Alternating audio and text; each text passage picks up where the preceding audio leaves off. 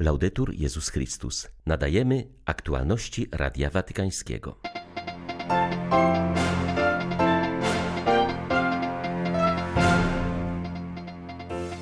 W wywiadzie dla czasopisma zajmującego się domową pomocą dla chorych papież zachęcił, aby nie uciekać przed bezradnością wobec cierpienia innych osób, ale z bliska im towarzyszyć. Społeczność międzynarodowa niewiele zrobiła, aby powstrzymać wojskową dyktaturę w Birmie. Junta skazała laureatkę pokojowej Nagrody Nobla z 1991 roku, działaczkę opozycyjną Aung San Suu Kyi, na 4 lata więzienia. Chociaż pandemia spowodowała skurczenie się światowej gospodarki, to największe firmy sektora wojskowego i obronnego zwiększyły swoje obroty w minionym roku. 7 grudnia witają Państwa Łukasz Sośniak i ksiądz Krzysztof Ołdakowski. Zapraszamy na serwis informacyjny. Mam nadzieję, że wielka próba, jakiej doświadczyliśmy w czasie pandemii, sprawiła, że tęsknimy za nową bliskością i nową czułością między nami, powiedział papież w wywiadzie dla czasopisma włoskiego stowarzyszenia, które zajmuje się udzielaniem domowej pomocy medycznej. Franciszek wyraża uznanie dla ich pracy, bo choć jak stwierdza, struktury służby zdrowia są bardzo ważne, to jednak udzielanie opieki domowej umożliwia przeżywanie bólu i choroby w środowisku, które jest bardziej przyjazne przyjazne, ludzkie i bardziej zdolne do humanizacji nawet tej części życia, która właśnie dlatego, że jest trudna, sprawia, że czujemy się bardziej samotni, niezrozumiani i bezbronni. W świetle swego niedawnego pobytu w szpitalu papież proponuje kilka prostych zasad dla pracowników służby zdrowia. Trzeba patrzeć ludziom w oczy, rozważać ich cierpienia, nigdy ich nie bagatelizując, a potem słuchać, aby cierpiący mogli powierzyć komuś swoje bóle i trudności. Zapytany o towarzyszenie ludziom w cierpieniu i umieraniu, Franciszek podkreśla, że trzeba być zawsze blisko i nie uciekać. Z drugiej strony, chory musi też unikać pokusy izolowania się, ponieważ im bardziej cierpimy, tym bardziej czujemy, że potrzebujemy Cyrenejczyka, który pomoże nam nieść nasz krzyż. Papież zauważa, że Bóg zawsze znajduje sposób, aby uobecnić się w naszym życiu, nawet wtedy, gdy wydaje się, że jest daleko albo czujemy się opuszczeni. W tym jest nasza siła, zapewnia Franciszek, i nawet jeśli o tym nie wiemy, Pascha dokonuje się pośród tej ciemności. Dopiero z czasem uświadamiamy sobie, że nawet w najgłębszych ciemnościach kryje się światło. W oczekiwaniu na uświadomienie sobie tego możemy jedynie pomagać sobie nawzajem, mówi papież. Nie milkną echa zakończonej wczoraj wizyty papieża Franciszka w Grecji. Wypowiedzi dla Radia Watykańskiego biskup Josef Bezezjan, administrator apostolski ormiańskich katolików, zwrócił uwagę, że Ojciec Święty pozostanie w pewnym sensie w Grecji, jeśli jej mieszkańcy będą się szanować, a Kościół będzie podążał naprzód w duchu słów, które pozostawił. Hierarcha w ordynariacie ormiańsko-katolickim w Atenach udziela innymi schronienia migrantom i uchodźcom, mówi biskup Josef Bezezjan. Przychodzą mi od razu na myśl słowa Ojca Świętego wygłoszone podczas mszy. Papież powiedział: Jutro wyjadę z Grecji, ale was nie pozostawię. To są bardzo mocne słowa dla nas wszystkich. Nie opuścił nas, ponieważ pozostawił swoje słowa i wskazania, jak żyć, jak radzić sobie z aktualnymi problemami. Franciszek podczas swej wizyty podkreślał szczególnie znaczenie braterstwa. To było widoczne w jego spotkaniach i w całej jego postawie. Przyjął postawę brata wobec braci. To stanowi wielkie przesłanie skierowane do nas i w jego duchu powinniśmy podążać dalej. Wiele razy Ojciec Święty podkreślał fakt bycia mniejszością. To prawda, że Kościół katolicki w Grecji jest mniejszością, ale bycie w mniejszości nigdy nie jest przeszkodą. Papież poruszając w swoich wystąpieniach temat braterstwa, Mówił także o zaufaniu i przyjęciu ważnych zadań na przyszłość. Powtarzał często te słowa. One streszczają całe jego przesłanie, którym powinniśmy żyć. Młodzi katolicy dziękują papieżowi za jego przesłanie pokoju, ekumenizmu, współpracy i braterstwa. Wywiadu papieski rozgłośni udzielił Aleksandros Osana, syn Greczynki i Irakijczyka, który uciekł do Grecji 30 lat temu. Wierzę, że słowa papieża wyraziły intencje nas samych jako katolików, być blisko naszych braci, razem modlić się i czuć, że będąc katolikami i prawosławnymi jesteśmy przede wszystkim chrześcijanami, powiedział Osana. Papież opuścił Grecję, wzywając młodych katolików, aby marzyli o braterstwie, aby szli naprzód ku innym. To zadanie gotowych jest podjąć wielu ludzi, zwłaszcza w obliczu potrzeby bycia coraz bliżej prawosławnych braci. Dla Osany konieczne jest naśladowanie odwagi, jaką wskazują przywódcy religijni, tacy jak papież Franciszek, arcybiskup Hieronim i patriarcha Bartłomiej, w podążaniu drogą ekumenizmu.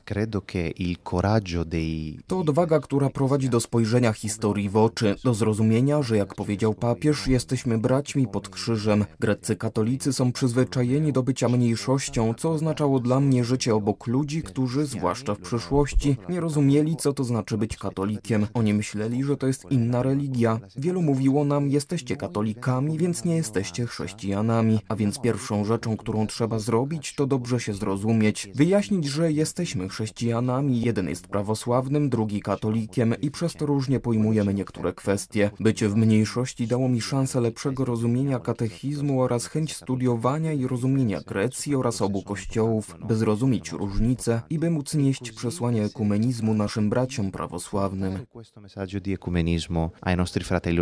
Ważne jest także dla Aleksandrosa przesłanie dotyczące pomocy migrantom. Codziennie ludzie w trudnej sytuacji opuszczają swój kraj, tak jak zrobił to mój ojciec. To ważne przesłanie papieskie, że nie możemy zapomnieć o uchodźcach, ale musimy wszyscy w Unii Europejskiej zrobić to, co do nas należy. Wizyta Franciszka poruszyła serca wielu ludzi w Grecji, również wielu prawosławnych, którzy postrzegali go jako osobę o wysokim autorytecie moralnym, niosącą przesłanie pokoju, ekumenizmu, współpracy i braterstwa. Ta wizyta była prawdziwym błogosławieństwem od Boga, zakończył Osana.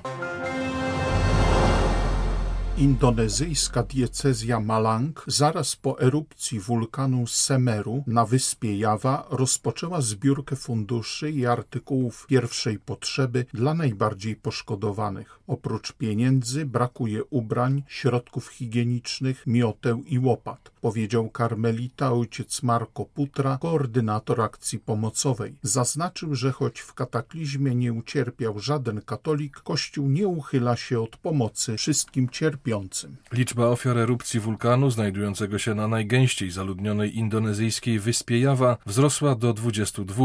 27 osób wciąż uznaje się za zaginione. Trwa akcja ratunkowa, którą utrudnia brak widoczności spowodowany rozprzestrzeniającym się popiołem oraz potężne zniszczenia dokonane przez spływającą lawę i błoto. Jak podają służby ratownicze, lawa dotarła do obszarów położonych nawet 4 km od krateru. Z zagrożonych terenów ewakuowanych zostało około 2000 osób. Zniszczonych jest 3000 domów, 56 osób jest rannych. Francuskie media nie odpowiadają na zarzuty postawione im wczoraj przez papieża podczas konferencji prasowej w samolocie. Przypomnijmy, że Franciszek zapytany przez korespondentkę Le Monde o przyczyny tak szybkiego przyjęcia dymisji arcybiskupa Opeti odpowiedział, że paryski arcybiskup jest ofiarą niesprawiedliwości. Arcybiskupa Michela Opetit pozbawiono dobrej reputacji do tego stopnia, że nie mógł dłużej kierować diecezją. Zarzuty postawiły mu media, poczynając od tygodnika Le Point, ale nigdy nie przedstawiły dowodów jego winy, a jedynie przeczące sobie nawzajem przypuszczenia anonimowych świadków. Papież na nowo otworzył sprawę paryskiego arcybiskupa.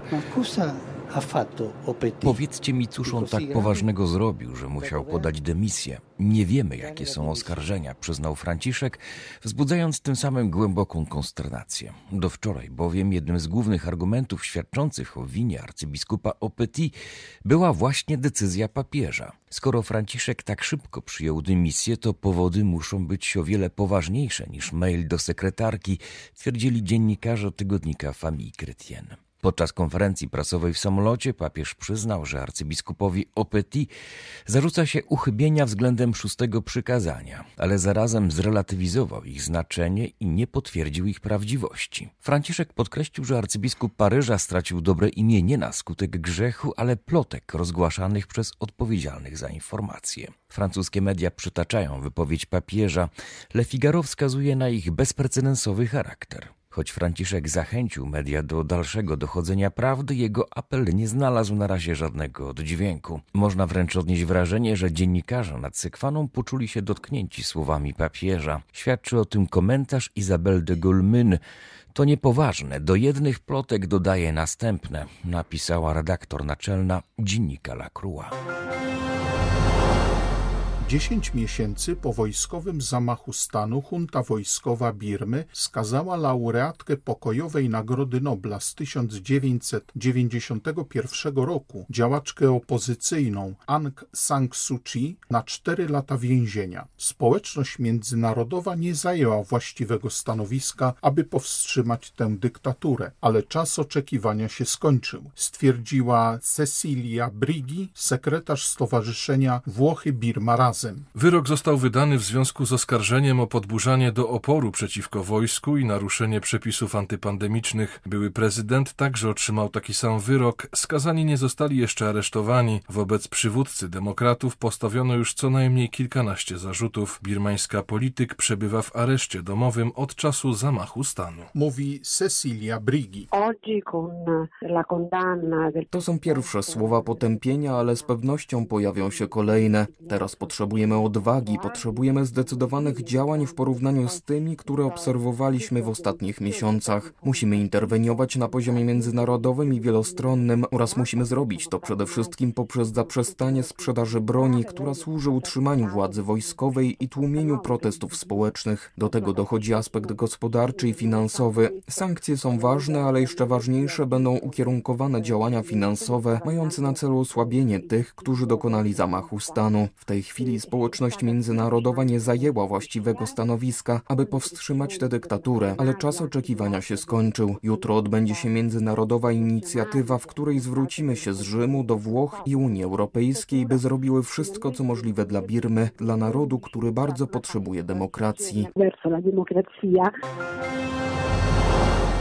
Pandemia nie powstrzymała handlu bronią na świecie. Raport Sztokholmskiego Międzynarodowego Instytutu Badań Pokojowych wskazuje na stały wzrost sprzedaży uzbrojenia od 2015 roku. W ostatnim roku sprzedaż broni na świecie wzrosła o ponad 1,5%. 41 ze 100 największych firm działających w tej branży to firmy amerykańskie. Chociaż pandemia spowodowała skurczenie się światowej gospodarki o 3%, to największe firmy sektora wojskowego i obronnego zwiększyły swoje obroty w minionym roku, osiągając rekordowy poziom 470 miliardów euro przychodów. Głównymi beneficjentami tego wzrostu byli amerykańscy giganci na rynku broni, wynika z badań przeprowadzonych przez naukowców ze Sztokholmu. Papież jest jedynym, który to otwarcie potępia, uważa Maurizio Simoncelli, zajmujący się badaniami nad rozbrojeniem. Niestety papież Franciszek jest jedynym autorytetem na szczeblu międzynarodowym, który jasno i wielokrotnie potępiał produkcję i handel bronią, wyraźnie wiążąc dostawy broni z nasilaniem się konfliktów i wzrostem liczby uchodźców przybywających na wybrzeża Europy, gdzie znajdują, jak to określił, mury strachu. Papież również na Lesbos, przemawiając do migrantów, przypomniał, jak strach przed drugim człowiekiem jest wpajany opinii publicznej, a zjawiska takie jak wyzysk ubogich czy handel bronią mają wspólne podstawy. Uważam, że słowa Franciszka docierają do zwykłych obywateli, którzy dzięki nim przestają popierać handel bronią. W tym znaczeniu wierzę, że działania papieża są fundamentalne, ponieważ jego słowa budzą sumienia. Były to aktualności Radia Watykańskiego. Laudetur Jezus Chrystus.